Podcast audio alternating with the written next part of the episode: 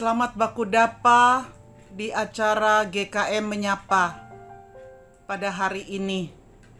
Sebelum kita membaca Alkitab, mari berdoa. Terima kasih Tuhan Yesus untuk kebaikan-Mu, penyertaan-Mu dalam hidup kami setiap hari. Pada hari ini, kami lagi boleh membaca firman-Mu, kiranya Roh Kudus memimpin kami sehingga firman Tuhan dapat menuntun kehidupan kami dan kami mengerti apa yang Tuhan mau dalam kehidupan ini. Terpujilah Yesus. Dalam namamu kami berdoa. Amin. Saya membaca Alkitab dari kitab Yakobus pasal yang keempat ayat 13 sampai 15 demikian bunyi firman Tuhan. Jadi sekarang hai kamu yang berkata hari ini atau besok kami berangkat ke kota Anu dan di sana kami akan tinggal setahun dan berdagang serta mendapat untung. Sedang kamu tidak tahu apa yang akan terjadi besok. Apakah arti hidupmu?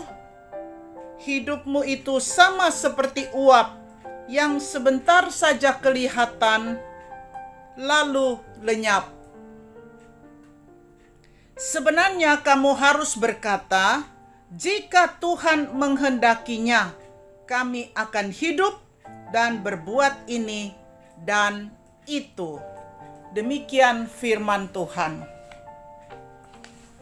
Saudara-saudara yang kekasih dalam Tuhan, ada kalimat yang berkata, "Jika Tuhan menghendakinya." Kalimat ini adalah suatu kalimat yang sungguh-sungguh menyerahkan seluruh hidupku, hidup kita hanya kepada Tuhan. Jika Tuhan menghendakinya, zaman sekarang banyak orang tersesat dan terhilang. Kaum materialis menyangkal keberadaan Allah. Mereka memperlakukan dunia ini seolah-olah satu-satunya rumah mereka dan berkonsentrasi penuh untuk mengaturnya demi kenyamanannya. Mereka menyangka dapat membangun sorga di bumi ini orang-orang yang tidak mengenal Allah selalu mengandalkan kekuatan sendiri dan menyepelekan kuasa yang lebih besar ialah Tuhan di dalam hidup mereka. Kalau kita melihat dalam pembacaan ini, dia berkata ada seseorang berencana untuk bepergian ke kota Anu. Sekian lamanya dia mau tinggal di sana, berdagang, mencari untung. Tetapi Yakobus berkata, "Apakah arti hidupmu? Hidupmu itu seperti uap.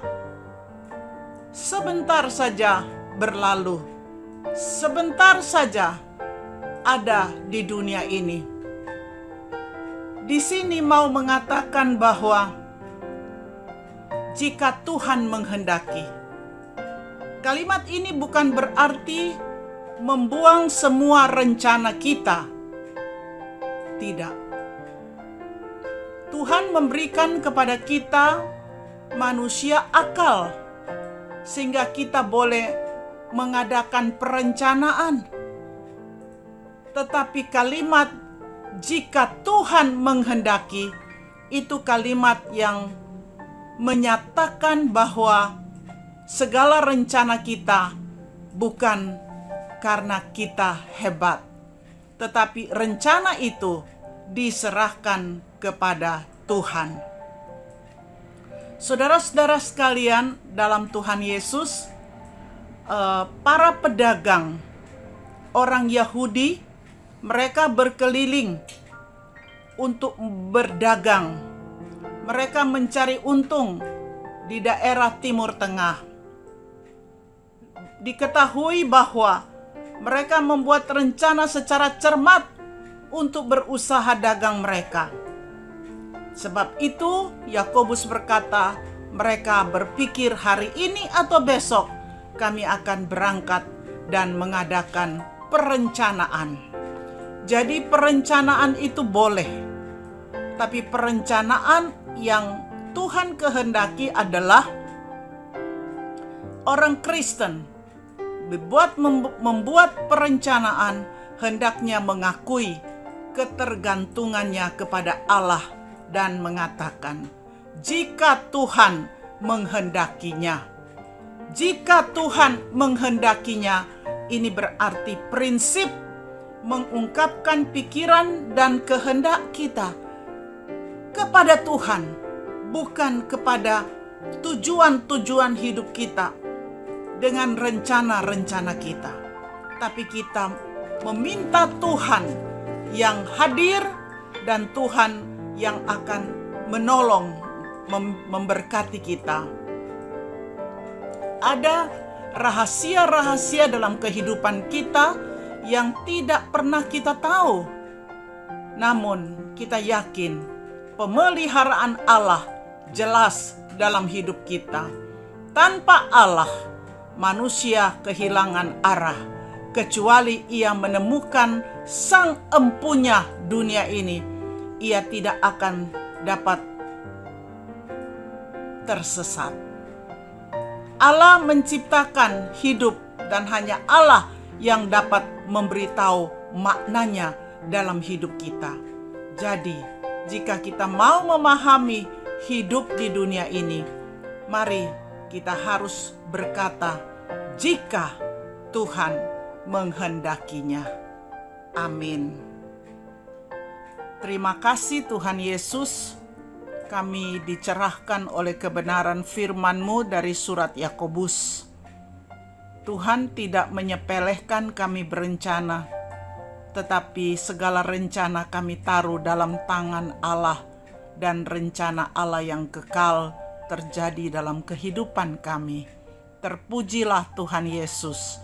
Dalam namamu kami berdoa. Amin.